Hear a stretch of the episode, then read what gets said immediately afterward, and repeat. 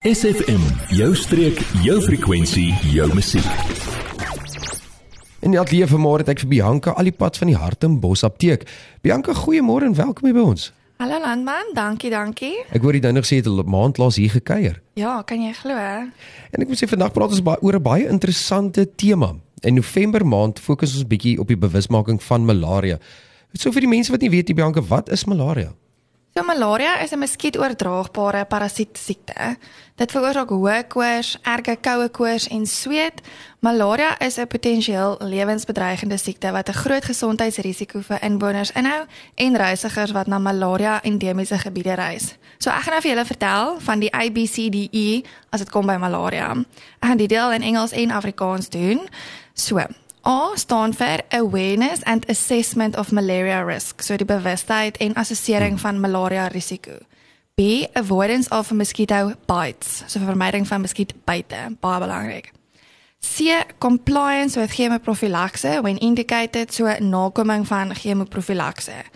D early detection of malaria disease, so vroeë opsporing van malaria en dan die laaste een E effective treatment, effektiewe behandeling. Jy het nou nog gesê malaria is 'n baie groot kwessie eintlik hier in Suid-Afrika en ons het gister daaroor gepraat in die nuus wat ek ook gelees het. En hulle sê tussen tussen 10000 en 30000 mense kry malaria per jaar net hier in Suid-Afrika. So wanneer is malaria meer oordraagbaar? Malaria oordrag is seisoonaal in Suid-Afrika met verhoogde risiko gedurende nat somermaande, dit wil sê September tot Mei maand.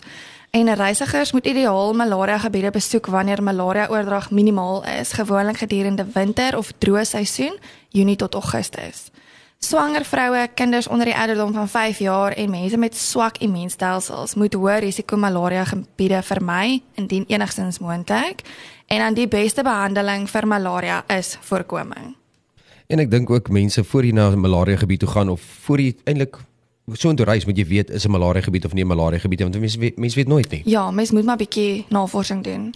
En baie interessant, hoe kan vir mense wat nou nie weet nie, hoe kan mense doen om malaria te voorkom?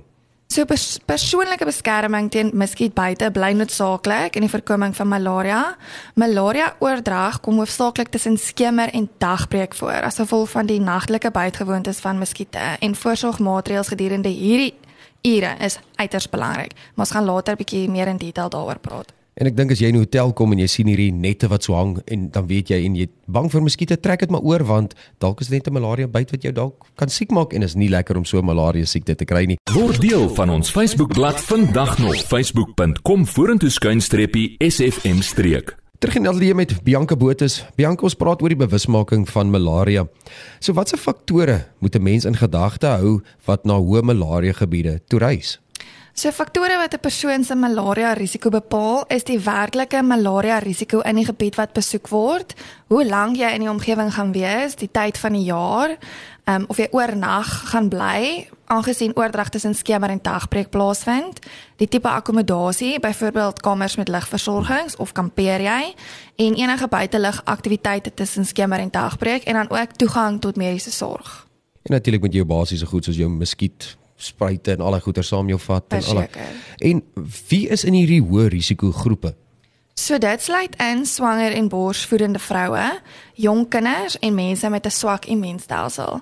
Geen medikasie vir malaria profylakse is 100% effektief nie en dit kan wees as gevolg van aantal faktore insluitend medikasie farmakokinetika, geneesmiddelweerstand en onvoldoende medikasiegebruik. Die ongerief om voortdurend chemoprofylakse te neem as jy in 'n malaria endemiese gebied woon, beklemtoon die belangrikheid daarvan om kontak met muskiete te voorkom. Psst, jy, ja jy.